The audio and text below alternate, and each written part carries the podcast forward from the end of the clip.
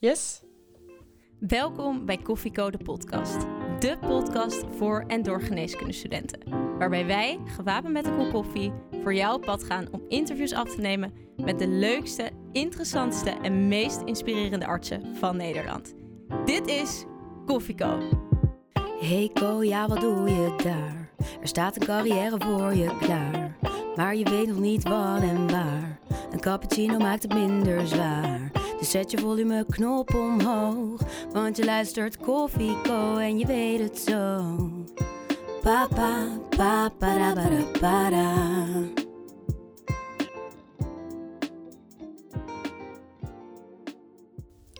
Welkom bij weer een nieuwe aflevering van Koffiecode podcast. Wij zijn Doris. en Mare en bij ons achter de microfoon zitten vandaag twee nieuwe gasten. Rechts van ons dokter Van Stralen en aan de andere kant dokter Kaster. Beide bedrijfsarts, werkzaam bij de Arbor-Unie. Marloes en Flip. Eh, we hebben jullie net voorgesteld met jullie achternamen, maar we hebben afgesproken dat wij eh, vandaag voornamen mogen gebruiken. Hoe vinden jullie het om hier te zijn? Flip.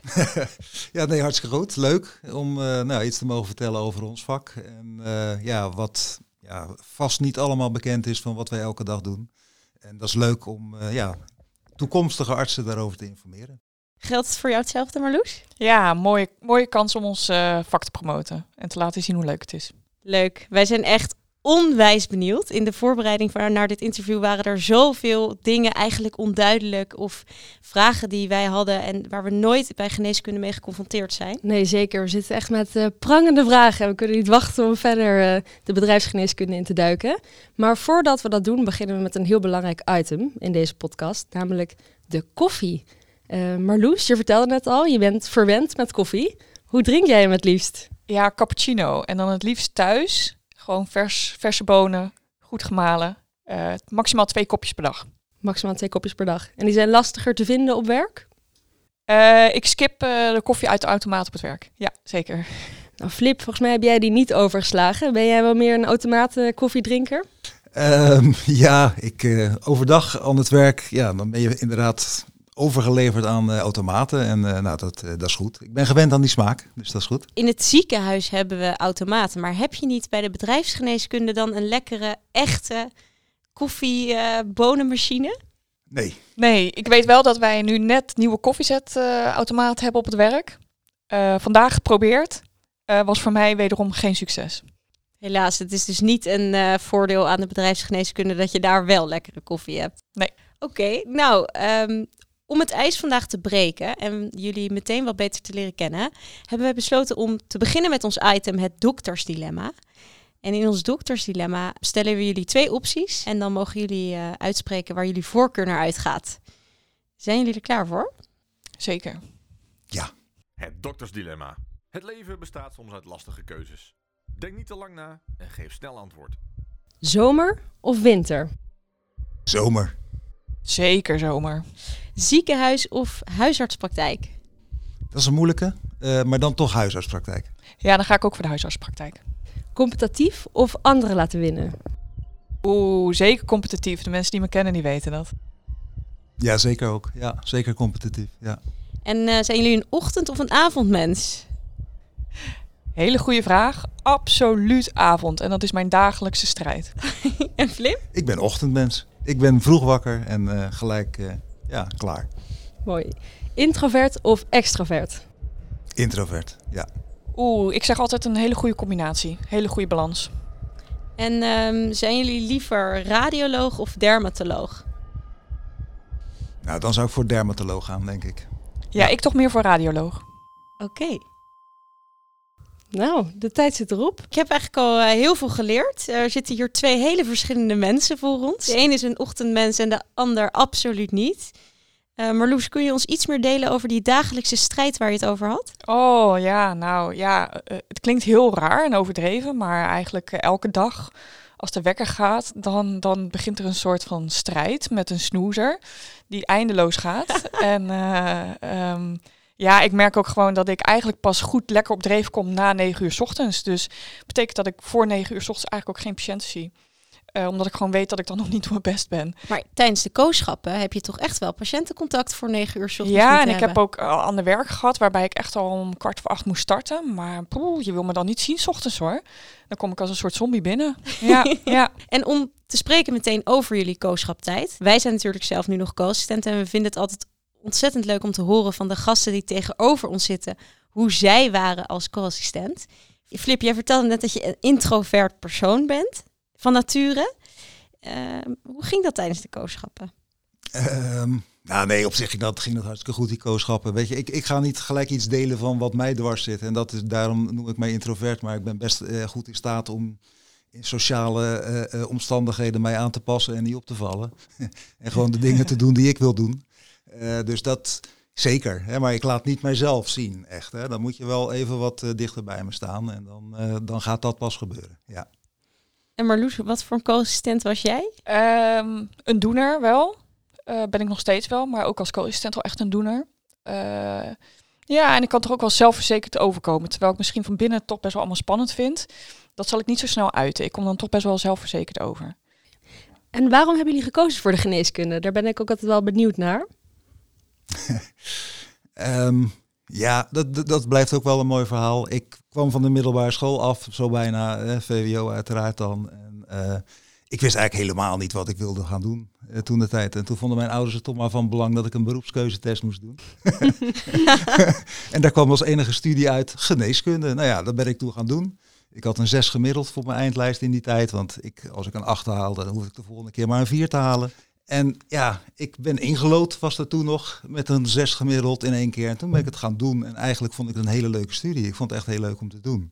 En eh, nou, ik heb het ook makkelijk in die zin eh, kunnen volhouden. Dus ja, dat is mijn verhaal. Daar, dat hebben we toch wel wat, eh, wat gemeenschappelijk hoor. Ik, eh, jouw ouders zeiden beroepskeuzetest. Eh, ik werd er voor mijn gevoel mee doodgegooid op de middelbare school met beroepskeuzetesten. Eh, toen kwam al heel snel gezondheidszorg naar voren. En er kwam geneeskunde uit en dacht ik, oh nee, ik ga echt niet zes jaar studeren. Was het ook niet iets wat er in je gedacht, wat in je op was gekomen van tevoren? Nee, helemaal niet. Niemand medisch in de familie eigenlijk. Eh, dus, dus het was ook compleet nieuw. En ik dacht van ja, dat, dat ga ik niet doen. Dus ik nog kijken naar fysio, ergotherapie, van alle, alles in de medische hoek. Maar als geen geneeskunde was van zes jaar. Maar ja, elke keer kwam ik weer op geneeskunde uit. eh meeloopdagen gedaan, geneeskunde. En toen uiteindelijk zei mijn moeder van ja, je kan wel heel erg staren naar die zes jaar. Maar je kan ook gewoon beginnen en kijken hoe het is. En misschien valt het allemaal reuze mee. En eh, uiteindelijk was het zelfs zo dat ik geen meer een alternatief had. Dat het alleen maar geneeskunde was. En dat ik zoiets had van ja, dat wordt het. En we gaan het vandaag hebben, eh, voornamelijk hebben over jullie vakgebied, de bedrijfsgeneeskunde. Wie van jullie kan mij even in, laat ik zeggen, drie zinnen vertellen wat de bedrijfsgeneeskunde is? Nou, die laat ik dan aan Flip. Nou ja, de bedrijfsgeneeskunde, ja, zoals het zegt, hè, de, de mens in een bedrijf. Daar houden wij ons bezig met ja, de medische kanten, de zakelijke. Hè. Wat, wat kunnen mensen wel, wat kunnen ze niet? Hè, hebben ze beperkingen? Wat is de prognose daarvan? En hoe kunnen we ze helpen om weer op hetzelfde niveau te komen? Hè, en eh, ja, heel, heel veel eh, preventieve geneeskunde ook. Eigenlijk kan je alles doen wat je gewoon ook in de reguliere gezondheidszorg kunt doen. Hè, we kunnen allerlei trajecten inzetten eh, tegenwoordig. Psychologen, fysiotherapeuten, nadere onderzoeken laten doen. De specialistenpitch, Marloes. Uiteindelijk eh, ben jij degene die, eh, Die dat mag doen. die ja. eh, dat gaat doen. Zou jij voor ons in 30 seconden willen pitchen waarom wij voor de bedrijfsgeneeskunde moeten kiezen in de specialistenpitch? De specialistenpitch. 30 seconden waarin jij de geneeskundestudenten ervan overtuigt om voor jouw specialisme te kiezen. Bedrijfsgeneeskunde is een ontzettend leuk vak. Waarbij je echt iets kunt betekenen voor zowel de patiënten, de werknemers bij bedrijven, eh, maar ook voor de bedrijven zelf. Goede advies kan geven, mensen weer in hun kracht kan zetten, goed begeleiden. En ook met een maatschappelijke relevantie, eh, wat steeds meer eh, naar de voorgrond komt. Ehm, en waarbij je denk ik heel veel tijd en aandacht kan besteden aan de patiënt. Die hebben we, dus die besteden we ook. Waardoor je dus veel meer voor ze kan betekenen dan je misschien in eerste instantie denkt. En waarbij je zelf ook voldoende tijd overhoudt. Wauw. Net te kort. Flip, ehm, we hebben deze pitch aan Marloes overgelaten. Heb je toevoegingen of aanvullingen? Wat ik er leuk aan vind, is, is dat ja, ik in al die jaren toch in staat ben gebleken om mijn werk eh, qua inhoud ja, grotendeels ook zelf te kunnen bepalen. Hè, en dat is ook echt iets Absoluut. ja, wat je in de bedrijfsgeneeskunde heel goed kunt. Hè. Eh, Wij zijn gewoon veel minder gehouden aan allerlei ingewikkelde dingen van protocollen uh, binnen tijdselementen. Nou, als je het goed, goed aanpakt, dan kan je echt hele leuke dingen doen in ons vak. Ja. Kunnen jullie ons het proces uitleggen? Hoe komt de patiënt bij jullie terecht? Hoe gaan jullie te werk? Nou, er zijn eigenlijk meerdere manieren uh, hoe mensen bij ons terecht kunnen komen. Mensen kunnen uh, ziek gemeld worden. Nou, vaak de eerste periode nog niet direct, maar het kan wel. Als een werkgever zegt van, hey, kun je de patiënt alvast bellen? Dan kan dat, of dan kunnen we alvast contact met ze leggen. Dus het kan via een ziekmelding. Het kan ook via een arbeidsomstandigheden spreekuur, zoals we dat noemen. Dat noemen we in de volksmond een beetje het preventieve spreekuur. Dat is een recht. Heel veel mensen weten dat niet, maar het is een recht van een werknemer om altijd met een bedrijfsarts een gesprek te kunnen aanvragen. Zonder tussenkomst van de, van de werkgever is ook, is ook eigenlijk anoniem. Uh, maar juist om dingen te bespreken in vertrouwen, dingen die spelen, die misschien gevoelig liggen in een bedrijf. Uh, dus dat is eigenlijk de tweede manier, via een preventieve spreekuur. Uh, maar het kan bijvoorbeeld ook via keuringen of preventief medisch onderzoeken die wel eens worden aangeboden. Dat er iets bijzonders uitkomt en dat mensen op die manier bij een bedrijfsarts weer terechtkomen om te bespreken wat er uit bepaalde medische onderzoeken komen. Ik moet nu toch weer even naar de basis terug. Hè? Want ja. We gaan gelijk de diepte in. Ja, hè, nu. nee, ja. maar dat is heel goed. Maar wij zijn gewoon zo nog nieuw in dit, in dit hele vakgebied. Ja. Heeft elk bedrijf een bedrijfsarts? Uh, elk bedrijf heeft de verplichting om een overeenkomst te hebben met, Ja. een, met een arbodienst. En dus een bedrijfsarts beschikbaar te hebben op het moment dat een werknemer die nodig heeft. En jullie zijn twee bedrijfsartsen werkend bij een Arbo-dienst, namelijk de Arbo-Unie. Klopt. En de Arbe-Unie die richt zich met name op de grootzakelijke markt. Dus dat zijn bedrijven met meer dan 250 medewerkers zo'n beetje. En die hebben in principe bijna allemaal dedicated een bedrijfsarts. Oké, oké. Dus, nou ja, er zijn dan, als ik het goed begrijp, drie manieren hoe patiënten, of noemen jullie ze eigenlijk patiënten? Nou ja, ze zijn niet altijd ziek. Hè? Nee. Nee, werk, werknemers noemen jullie ze Over het zo? algemeen medewerkers of werknemers. toch wel. Medewerkers. Ja. waarop medewerkers van een bedrijf bij- met jullie in aanraking komen. Ehm, en nog even voor het grote plaatje. Zijn jullie als bedrijfsartsen gekoppeld aan één bedrijf of doen jullie meerdere bedrijven? Hangt af van de grootte van een bedrijf. Hè. Er zijn natuurlijk eh, eh, hele grote. eh, NS is een klant van ons. Albert Heijn. Ja, daar werken natuurlijk echt heel veel mensen. En ja, dan kan het zo zijn dat als jij dat wil, dat je alleen voor die klant werkt. Hè, dat, dat kan. Maar je kan ook zeggen, nou, ik vind het gewoon veel leuker om wat meer klanten te hebben. Ik wil best een stukje van Albert Heijn doen. En, en dat is ook een beetje eigenlijk zoals ik zeg, van dat je kunt zelf indelen van hè, waar jouw aandacht naartoe gaat. Ik heb zelf denk ik nu iets van zes verschillende bedrijven eh, waar ik voor werk. Eh, verschillende sectoren. Waarbij inderdaad, en dat is weer het fijne ook eh, van ons vak en de autonomie hebt, waarbij ik zelf een beetje kan aangeven wat past nou bij mij qua bedrijf, wat past niet bij mij. En ja, daar wordt ook goed naar geluisterd. Dus dan kan je ook. Het is ook belangrijk om een goede match te hebben met degene voor wie je werkt. En met de mensen die daar rondlopen. Wat, voor, wat zijn de meest voorkomende ziektebeelden bijvoorbeeld die jullie meemaken? Of is dat echt per bedrijf weer afhankelijk? Dat, dat verschilt natuurlijk per bedrijf, jazeker. Psychische klachten zien we natuurlijk veel. eh, houdings- en bewegingsapparaatklachten zien we veel. Ja, dan denk ik ook wel. Dat zijn de twee grootste groepen. En ik denk dat je daarnaast toch wel veel eh, cardiovasculair, dus cardiologie, neurologie, komt toch wel regelmatig langs. Ehm, ja, en ik denk dat dat eigenlijk wel de grootste hoop. En dan, en dan ook wel leuk voor de vader, want soms kom je ook hele zeldzame dingen tegen. En, eh, ehm, dus dan is het, word je ook wel weer geprikkeld om op andere vakgebieden weer na te denken. Maar ik denk de hoofdmoot, heel veel psychisch verzuim, heel veel ja, orthopedie, dus houding en bewegingsapparaat zoals wij dat noemen. Eh, en in mindere mate, maar ook wel degelijk cardiaal en, eh, en neurologisch. Ik kan me zo voorstellen dat als je bedrijfsarts bent van bijvoorbeeld een bouwbedrijf, dat er heel veel mensen met rugklachten of dat soort dingen komen. En als je bedrijfsarts bent van een heel ander bedrijf, dat je weer een heel ander profiel aan klachten ziet. Hebben jullie wat voorbeelden uit de spreekkamer hoe patiënten dan ehm, van verschillende bedrijven voor jullie zitten? Dus ik werk in de Rotterdamse haven, hè, eh, eh, chemische industrie, eh, havenbedrijven, maritiem.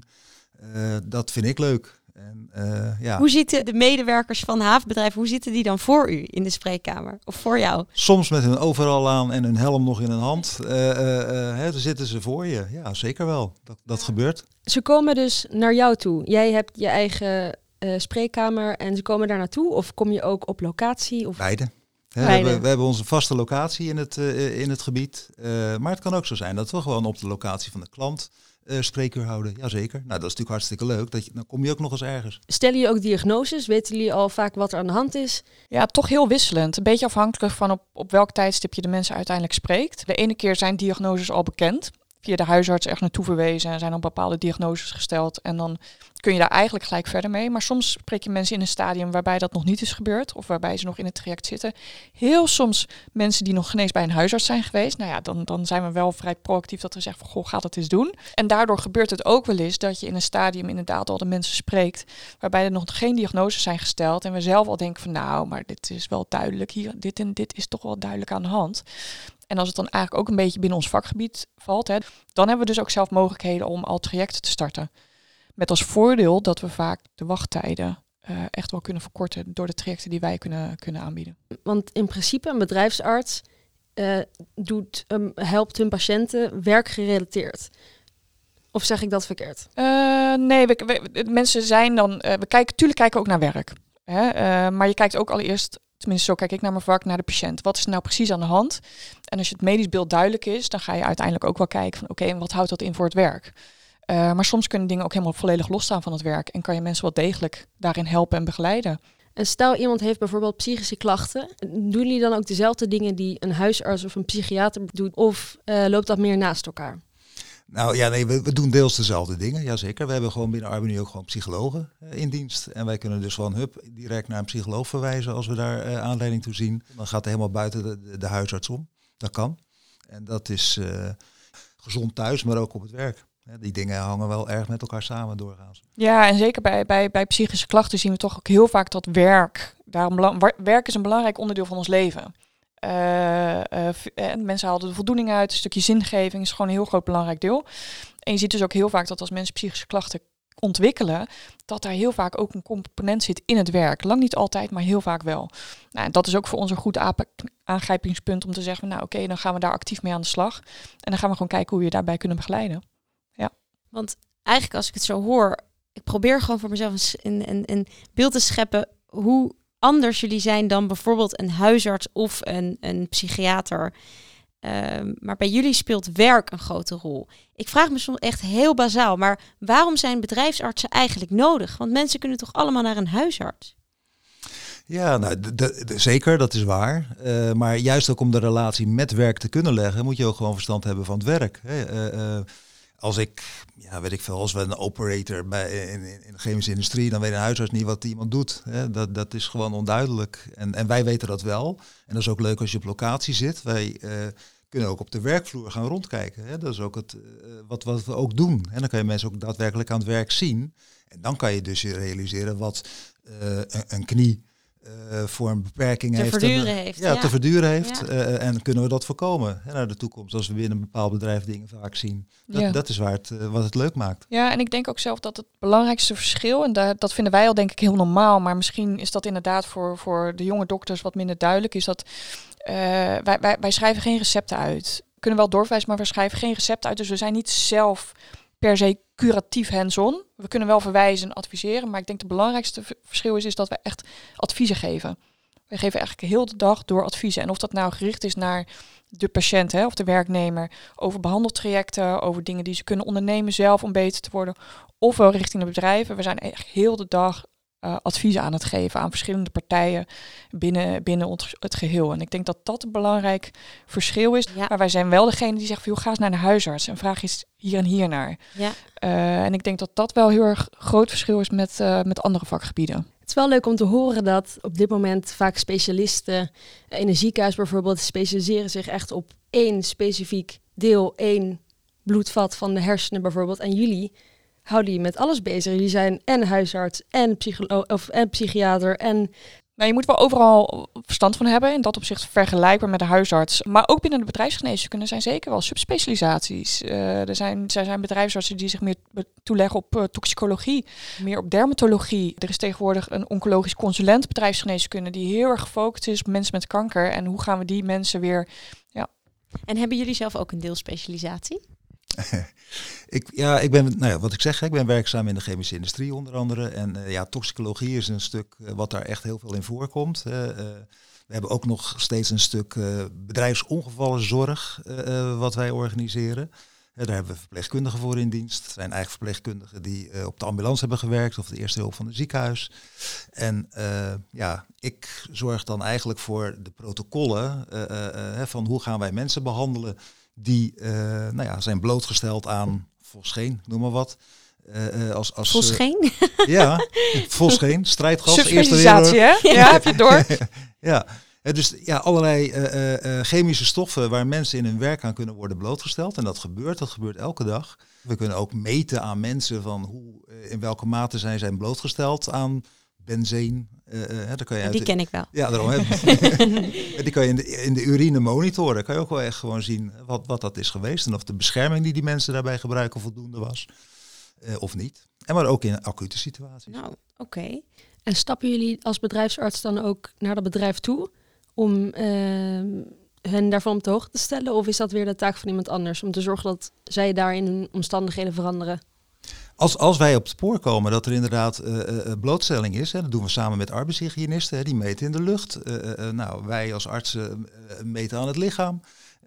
en die komen bij elkaar en die adviseren bedrijven over van hoe zij uh, uh, passen binnen het hele verhaal en welke aanpassingen ze in hun bedrijf moeten doen. Nou ja, we hebben nu ook een beetje over de, de artsenkant, maar er zit ook een enorme bedrijfskant aan. Precies.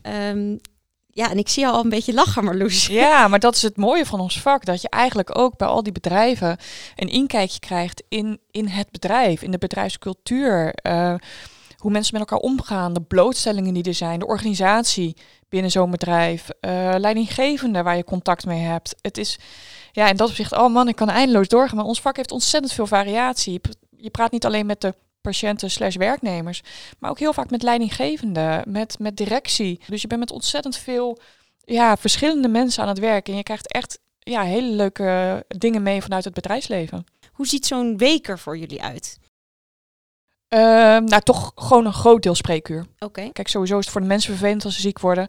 Maar bij bedrijven is het gewoon niet fijn als personeel ziek thuis zit. Dus ik denk dat het grootste deel, 60%, toch wel dikke 60%, is spreekuren. En overige deel is toch heel vaak met leidinggevenden in gesprek. Overleggen organiseren, met collega, psychologen overleggen. Werkplek bezoeken. Dus uh, ja, heel divers. Uh, dus die over 40% doe je van alles en nog wat uh, binnen zo'n bedrijf om te zorgen dat je ja, een goed beeld krijgt en goed kan blijven adviseren. Ben ik nog iets vergeten? Nou ja, dat wisselt, want jij zegt 60%, maar ik zit lang geen 60% nee, van mijn tijd helemaal in, niet. in de, in Hoe de zit het bij jou? Ja, misschien 10% van mijn tijd dat ik in de spreekkamer zit en die andere tijd niet. En dan ben ik inderdaad ja, gewoon bezig met, met adviseren, uh, presenteren, uh, uh, informeren. Managementtaken heb je ook Ja, ook met managementtaken. Ik, een van de dochter-BV'en van Arbunie, dat Sport Health Center, dat is eigenlijk een bedrijfje wat zieke zeelui ziet. Hè, schip, we hebben huisartsen in dienst en die zien die mensen. maar er ook heel veel keuringen, offshore, zeevaart, die ongevallenhulpverlening en vaccinaties, reizigersadvies, dat is ook een groot deel van het verhaal. Uh, en op dit moment zijn we bijvoorbeeld ook met Port Health Center in Albany bezig om alle zeevarenden in Nederland uh, die Nederlandse havens aandoen te vaccineren tegen COVID. dat, is, uh, dat is bij ons neergelegd en inmiddels hebben we iets van 20.000 vaccinaties gedaan bij die mensen. Daar zijn we heel de dag mee bezig. Wat is de gekste plek waar jullie ooit zijn beland? Oeh, kijk ik toch naar Flip, want je hebt, dat, je hebt er veel meer ervaring mee. Nou ja, nou ja ja, weet je, je komt op alle plekken en dat is gewoon hartstikke leuk. Ik, ik ja, ben op, op Russische boten geweest, uh, omdat we daar ook mensen moesten gaan vaccineren op verzoek van, uh, van klanten. En en dat, ja, dat zag er echt heel raar uit. Dat was echt een heel smerig schip en er zat overal olie en dingen aan de muren. En, maar dat, ja, dus gewoon echt leuk die schepen te komen. Maar we komen ook op cruiseschepen recent nog. We moesten ook de bemanning vaccineren. Nou ja, dan, dan, dat ziet er heel anders uit dan een Russische uh, olie. Uh, kan me voorstellen. Gelukkig ja. maar. Ja, bij mij van, van, van bedrijven waarvan in de industrie waarvan je weet dat ze met kankerverwekkende stoffen werken. En waar je dus in vol ornaat, dus met, met, met ademluchtbescherming en pakken en met ze meeloopt om te zien wat ze daar nou uiteindelijk allemaal aan het doen zijn en hoe ze werken tot aan een, een, dienst met de brandweer mee en uh, 24 uur meedraaien met een jas aan en een helm op uh, als de pieper gaat en in die auto springen. Maar dit is toch ja. zo leuk en ik kan me voorstellen dat dit zo effectief is om als bedrijfsarts echt op de werkplek te zijn. Je kan veel beter je oordeel daarover geven, maar daarnaast ook heel leuk en heel leerzaam. Ja, dat, dat op die werkplek komen, dat werkt echt enorm. Als mensen je daar gezien hebben en je weet van, oh, werk je daar? Nou, dan, ben je, dan hebben ze gelijk vertrouwen. En eh, ja, wij hebben inzicht in wat ze doen. En dat is echt, ja, en, en daarnaast is het gewoon leuk om op al die werkplekken te gaan kijken. En ik wilde nog even terugkomen op, want jullie vertelden dat jullie dus ook met de werkgevers samenwerken. En ehm, ik, heb een beetje, ging een beetje lezen over de bedrijfsartsen. En ik kwam er ergens tegen dat je als bedrijfsarts echt de pion bent tussen de werknemer en de werkgever. Maar dat dit soms ook eh, wat lastiger kan zijn en dat een werkgever druk kan uitoefenen op jou als bedrijfsarts. Um, Marloes, hoe ervaar jij dit? Nou, ik moet zeggen dat ik dat, er werd dan van tevoren aan me gevraagd, wat vind je misschien een iets minder leuke facetten van je werk? Nou, dan kom ik eigenlijk daarop uit inderdaad. Op het moment dat je dat merkt, dat er, dat er frictie is, dat er gedoe is, om het maar zo te zeggen, tussen een werknemer en een werkgever. Uh, en dat jou om advies wordt gevraagd. Nou ja, Flip weet dat ik dat de lastigste situaties vind. Want dan moet je heel erg goed uitkijken dat je niet tussenin komt staan. Want je bent er uiteindelijk voor allebei. Dus je moet op dat moment heel erg uitkijken van ja, dat je er niet tussenin komt te zitten. Ik vind dat er wat minder leuk. Het is heel uitdagend. Dus ik word echt wel geprikkeld om maximaal te presteren. Maar wel heel erg ja, alert zijn. En met name omdat ik wel eens denk. Uh, dat inkijk in het bedrijf, maar dat ik ook wel eens denk van, oh, wat kunnen mensen elkaar het leven zuur maken? Wat kunnen mensen vervelend tegen elkaar doen? waarom doen jullie dat nou, jongens? Werkgevers en werknemers tegen elkaar. Ja, toch wel. En dat, dat vind ik soms wel heel lastig. De conflict situaties eigenlijk. Of dreigende conflicten, toch wel. Gewoon gedoe. Gedoe tussen leidinggevende en een, en een medewerker. ja.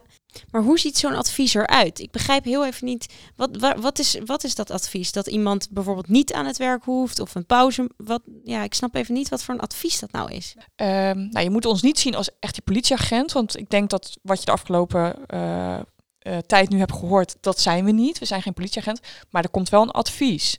En het is eigenlijk ook een beetje bedoeld om. Uh, werkgever en werknemer is, is geen gelijkwaardige relatie. Hè, je bent als werknemer in dienst van een werkgever. En, en je, moet, je moet dus arbeid leveren om je loon te krijgen. En om te zorgen dat daar geen frictie in ontstaat. Uh, en dat mensen niet ten koste van hun gezondheid dingen gaan doen die niet verstandig zijn. Of vice versa. Op het moment dat mensen wel degelijk iets kunnen doen, dat ze het ook gewoon daadwerkelijk gaan doen. Zitten wij er eigenlijk tussen als onafhankelijke partij om te kijken van oké, maar wat is de medische situatie? Wat is die gezondheid? Wat kan iemand? En dat zetten we uiteindelijk op papier naar een werkgever. Dat we denken van nou, die medewerker is wel of niet ziek, maar we denken dat hij dit en dit nog kan. Uh, en dan is vervolgens de uitdaging aan de werknemer en de werkgever weer om met dat advies samen te kijken van oké, hoe gaan we nu verder en wat voor werk gaan we doen? Ik wil nog een heel ander onderwerp aansnijden en dat gaat over vooroordelen. Namelijk, uh, ik wil het graag hebben over het imago van de bedrijfsarts. Uh, we hadden het er net bij het voorgesprek ook al even over. Um, wij studeren uh, allebei uh, geneeskunde. Heel Koffico studeert geneeskunde. uh, en wij hadden niet een heel erg sprankelend beeld van de bedrijfsgeneeskunde. Hoe komt dat? Ja, geen idee. ik denk ook niet dat het heel veel in het curriculum voorkomt. Hè. Je, je komt er ook helemaal niet mee in aanraking eigenlijk. dat is eigenlijk jammer. maar ja, weet je, zo so be het. Het is zo, ik, ik ik heb er nooit spijt van gehad dat ik dit ben gaan doen. Sterker nog, ik wilde het al eigenlijk gelijk al gaan doen. En voor, voor jou was het dus echt de eerste keusflip? Ik, uit, toen ik klaar was met studeren, was het voor mij inderdaad de eerste keus. Ja, ik wilde dat gewoon doen. Ik moest nog eerst in dienst uh, nadat ik uh, afgestudeerd was. en toen, ja, ik, ik weet nog dat me toen wel een baan werd aangeboden als gynaecoloog in opleiding te komen toen de tijd. want dat was allemaal zo goed gegaan met dat kooschap daar. maar ik wilde dat gewoon echt helemaal niet. Ik ben bij de marine gegaan, uh, mijn dienstplicht gedaan, heb ik onder helikopters gehangen uh, en dat soort dingen. Wow. En uh, vervolgens ben ik ja, echt gericht op zoek gegaan naar een plek in de bedrijfsgezondheidszorg. Wat, nou ja, wat soms nu bij bedrijfs, aan bedrijfsgeneeskunde kleeft, was voor jou niet zo. Jij vond het eigenlijk fantastisch vanaf het begin. Um, maar ja, dat imago wat ik schets, dat klopt wel. Horen jullie dat ja, wel vaker? Dat tuurlijk. klopt wel, ja, toch? Ja, zeker wel. Tuurlijk. Zeker wel. En ik moet zeggen, mijn, mijn carrièrepad is iets korter sowieso. maar ook wel iets anders gelopen. En, en het, het, het slechte imago, dat, dat zie ik nog wel. Dat hoor ik ook nog wel. Vind ik heel jammer. Uh, wil ik ook graag iets aan doen. Uh, maar ik ben zelf ook heel lang zo'n type geweest die echt zoiets had van bedrijfsgeneeskunde. Nou, nee hoor. Dat, dat ga ik niet doen. Uh, weet je, die trant. Dat heb ik zelf ook heel lang gehad. Ja. Want jij bent, we hebben even onderzoek gedaan. Je bent hier voor vliegerarts geweest, als ja. ik het goed zeg. Heel goed, ja. Hoe is uiteindelijk die switch bij jou gegaan naar de bedrijfskunde? Ja, nou ik heb dus inderdaad uh, uh, na mijn studie geneeskunde, tijdens mijn geneeskunde kwam ik er eigenlijk achter dat ik dacht van, punt 1 dacht ik bij alle vakgebieden, ik vind het wel leuk, Maar ik word nou nergens echt mega enthousiast van. Dat ik denk van, dat wil ik de rest van mijn leven doen. Ehm, en vervolgens kwam ik eigenlijk ook wel een beetje achter dat ziekenhuis, dat is niet mijn plek. Eh, ik voel me daar niet prettig bij. Dat had ik uiteindelijk ook tijdens mijn kooschappen. Dat ik op een gegeven moment dacht van, oh, ik vind dit helemaal niks. Eh, de sfeer, uh, nou ja, de, de manier waarop collega's met elkaar omgaan. Eigenlijk alles bij elkaar. Dacht ik bij mezelf van, ja, ik zie mezelf hier gewoon niet zitten. Nou, toen had ik best wel een beetje stress. Want toen dacht ik van, ja, en nu dan? Ik ben bijna aan het eind en ik weet niet meer wat ik worden wil, om het zo maar te zeggen. En ik ben dadelijk basisarts. En toen kwam Defensie op mijn pad. En toen ben ik inderdaad uiteindelijk, daar werd ik heel enthousiast van. Dat wat ik bij al die vakgebieden miste, kreeg ik wel bij Defensie. Ik werd mega enthousiast. De variatie, het avontuur. Ik was 24 toen ik afstudeerde geneeskunde. Dus wow, ja, ik, ik wel jong. Ja, behoorlijk jong. Dat je echt denkt, ja, wat moet ik nu? Uh, bij Defensie gegaan, mega leuke tijd gehad. Maar uiteindelijk ook bij Defensie dat ik op een gegeven moment merkte van... Um, ik ben toe aan een nieuwe uitdaging. Uh, en een outlininggevende bij Defensie heeft toen in de defensietijd ooit wel eens tegen mij gezegd: Ik denk dat jij een hele goede bedrijfsarts kan worden. Nou, ik ben toen de tijd ben ik nog heel hard gaan lachen. Want ik zat nog voor mijn avontuur bij Defensie. En ik echt zo: ja, ja, leuk dat je het zegt. Maar dat, dat ga ik niet doen natuurlijk. Ik ga nog allemaal leuke dingen doen. Um, maar uiteindelijk bij Defensie doe je ook best wel veel bedrijfsgeneeskunde. Je bent best wel veel aan het adviseren over omstandigheden, arbeidsomstandigheden. Kan iemand wel of niet werken? Mag iemand wel of niet vliegen? Um, dus gaandeweg, toen ik op een gegeven moment merkte van joh, bij, bij Defensie raakt het wel een beetje op. Ja, toen heb ik die uitleidinggevende weer gebeld. En toen heb ik gezegd van joh, jij hebt toch ooit tegen mij gezegd dat ik een, een goede bedrijfsarts zou kunnen zijn. Mag ik een keer met jou een dag meelopen? Ja, en dat was leuk. Het was boven verwachting leuk. Dat ik eigenlijk zoiets van oh. En toen heb ik gewoon de, de gok gewaagd en toen heb ik het gewoon gedaan. Dus toen heb ik de overstap gemaakt. Succesverhaal. Ja.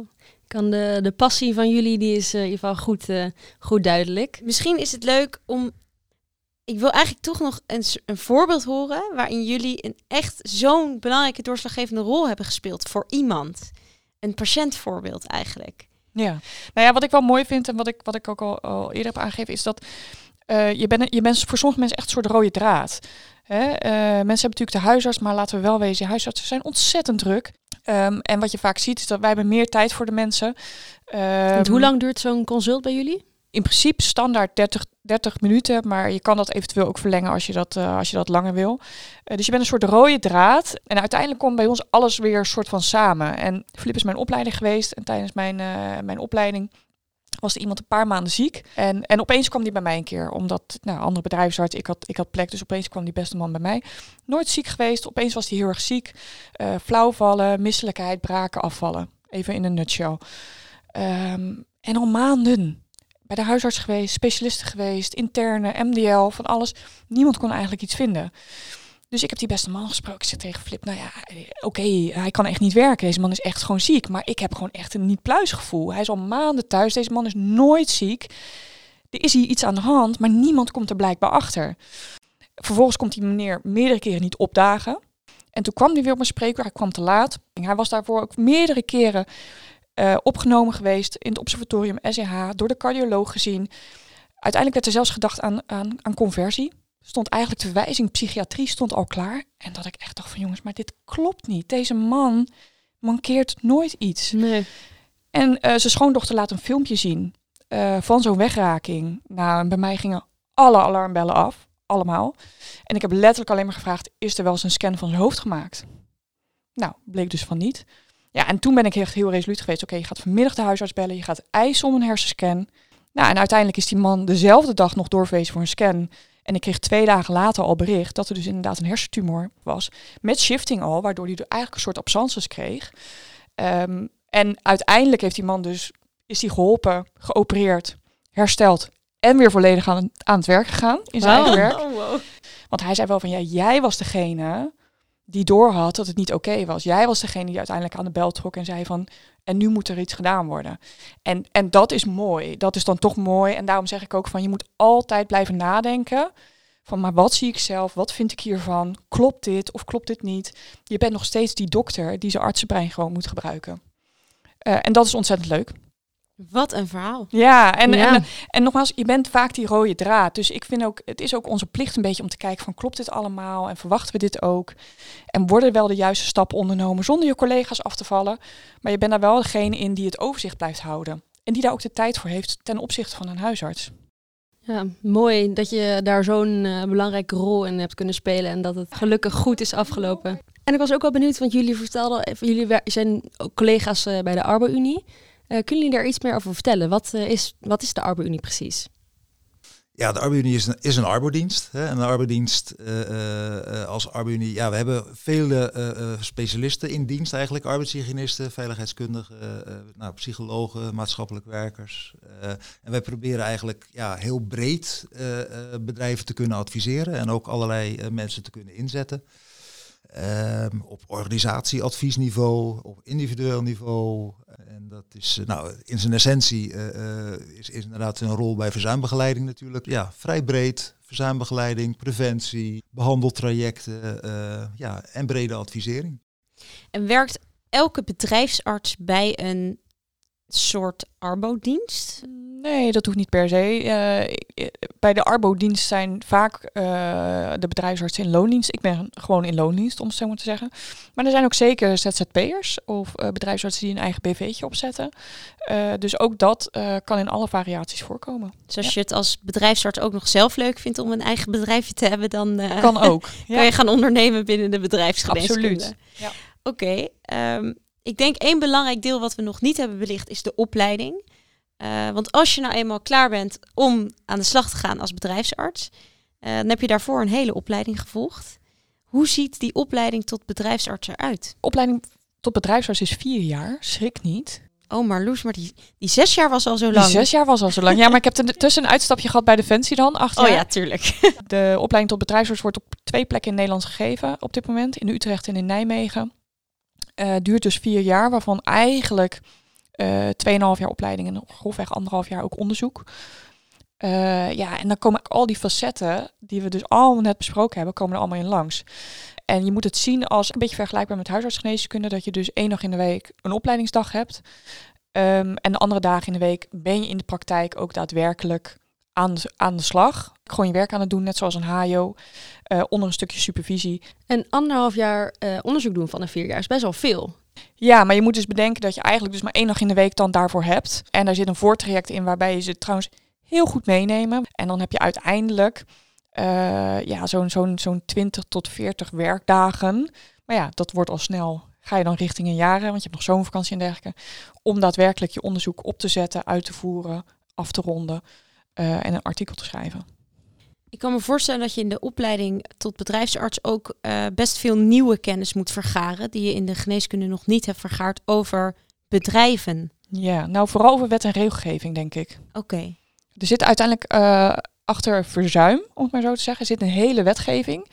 En dat, dat is wel slim en goed om je daar een beetje in te verdiepen hoe dat zit. Buiten het medisch inhoudelijke dat het inderdaad heel veel wet en regelgeving is, wat je toch wel krijgt. Richtlijnen, want er zijn ook vanuit de beroepsvereniging gewoon richtlijnen uh, die je kunt toepassen of waar je van kunt afwijken, als je denkt dat je ervan moet afwijken. Uh, en dat is een groot gedeelte van de opleiding. Maar ook de verschillende facetten. Hè? hoe doe je een goed werkplekonderzoek? hoe doe je bepaalde keuringen? Dus al die verschillende aspecten. Nou, en ik denk dat Flip en ik maar een klein stukje hebben hebben besproken met jullie. Maar het is nog veel meer dan dat. Die komen allemaal terug in de opleiding om daar in ieder geval een keer mee in aanraking te zijn geweest. Van hoe ga je daar als arts het beste mee om? Wat is je rol? Uh, en hoe pak je dat op? Oké, duidelijk. Want Flip, jij bent dus ook opleider, als ik het goed begrijp. Uh, als opleider ben je natuurlijk de persoon um, die uh, nieuwe bedrijfsartsen in SP klaarstoomt. Wat zijn volgens jou nou drie eigenschappen die een goede bedrijfsarts nou echt moet bezitten? Ik denk dat, dat het kunnen communiceren, het kunnen praten met allerlei verschillende groepen, met mensen individueel, met werkgevers, met directeuren, uh, dat vraagt echt wel, dat moet je wel kunnen. Dus je moet je goed staande weten te houden in ja, de maatschappij. Dan moet je echt je plaats kunnen neerzetten en, en dat, uh, wij moeten veel meer dan anderen kunnen presenteren en onze adviezen op de juiste manier kunnen overbrengen. Dat is echt wel een verschil met uh, ja, andere en artsen. Ik denk iets wat we ook nog niet besproken hebben, maar wat vaak wordt gezien als een van de voordelen van een bedrijfsarts, is dat jullie geen diensten hebben. Klopt. ja. Nee, maar nog, het is zonder meer waar. Het is, het is zo dat je, uh, ja, we hebben gewoon reguliere werktijden uh, in principe. Uh, nou, af en toe wijken we daar wel eens vanaf. Als ik naar mezelf kijk, dan, dan komt het niet heel vaak voor. er komen heel veel weekenden dat ik toch gebeld word en bezig ben. En dat komt ook door die bedrijfsongevallen. die houden zich natuurlijk niet aan dat eh, type tijden. Eh, dus dan eh, ben je toch ook echt nog wel bezig. Maar verder, ja, normaal ja, kan dat. En heb je gewoon, kan je gewoon op een tennisclub zitten, zit ik ook. Dinsdagavond ga ik tennissen, hou ik ook vrij. Ik vind het heerlijk om, om, om ook genoeg vrije tijd te hebben en een goede werk-privé-balans te hebben. En het is ook heel makkelijk om parttime te werken eh, in ons vakgebied. Dus het geeft je ontzettend veel vrijheid. En voor mij echt, echt ideaal om gewoon een goede werk-privé-balans te houden. En heel veel autonomie moet ik zeggen. Ik, ik, eh, bij ArbeUnie is het echt zo dat je je eigen agenda kan beheren. Dus als ik, een, als ik een middag niet ga werken, ga ik een middag niet werken. Of als ik een middag blokkeer omdat ik weet dat ik iets, een groot project moet gaan doen voor het werk of een presentatie, dan blokkeer ik mijn agenda. En dan, en ja, die vrijheid heb je. En dat is echt wel heel heerlijk. Dat is natuurlijk echt iets wat in het ziekenhuis uh, soms of vaak niet zo is. Hè? Als de wachtkamer vol zit uh, op de poli, dan, dan, dan zit ga je niet vol. naar huis. En dan ga je dus niet naar huis. En dan kan je Ja. absoluut niet naar huis. Nee. En dat is dus wel echt een wezenlijk verschil als ik het Ja. zo hoor. Jullie zijn niet minder ambitieus omdat jullie een eh, iets fijner, eh, fijnere werk-privé-balans hebben. Ik denk het niet. Ik denk serieus van niet. Nee. Nee, goed, nog als ik naar mezelf kijk, eh, eh, ik doe ook al vanaf eh, ja, ruim 20 jaar allerlei management dingen erbij. Eh, ben directeur van een B- dochter-BV van ArbeUnie eh, en ben nog steeds al die tijd ook bedrijfsarts. Hè. En waarom? Ik vind dat, ik wil ook gewoon bedrijfsarts blijven. Hè, ook geregistreerd, omdat het gewoon hartstikke leuk is. En ook te weten wat je doet. Ik vind trouwens wel dat we ook in dit verhaal nog eventjes uh, ArbeUnie het ATP-programma moeten uitleggen. We hebben een arts-trainee-programma binnen ArbeUnie. Oké. Uh, dat is eigenlijk voor, uh, nou, als jullie zijn afgestudeerd, uh, ja, kan je bij ons een dienstverband afsluiten voor twee jaar. nou, dan krijg je een auto en, wij, en je krijgt een opleidingsprogramma waar we je ja, meer kennis kunnen laten maken met wat een bedrijfsarts doet. En nou, als dat je bevalt, nou, dan kan je ook binnen die twee jaar je opleiding starten. En dan is het niet zo, nou ja, dan kan je weer ergens anders gaan kijken. Dus dat, dat uh, loopt heel erg goed op dit moment. We krijgen echt ja, veel instroom van jonge artsen. Dat is gewoon hartstikke leuk om te zien dat, dat, dat, dat we die weer krijgen. En nou, gelukkig, bijna iedereen is daar ook enthousiast voor die dat doet. Kan je het zien als een soort stage bij de bedrijfsgeneeskunde? Nou ja, het is, ja, het is, het is iets verder gaand dan een stage. Het is echt het is een traineeship. Ja, een soort van, werkend leren. Ja, werkend leren. Ja. Twee jaar kennis maken met. En als het je bevalt, nou, dan ga je ook binnen die twee jaar al met de opleiding starten.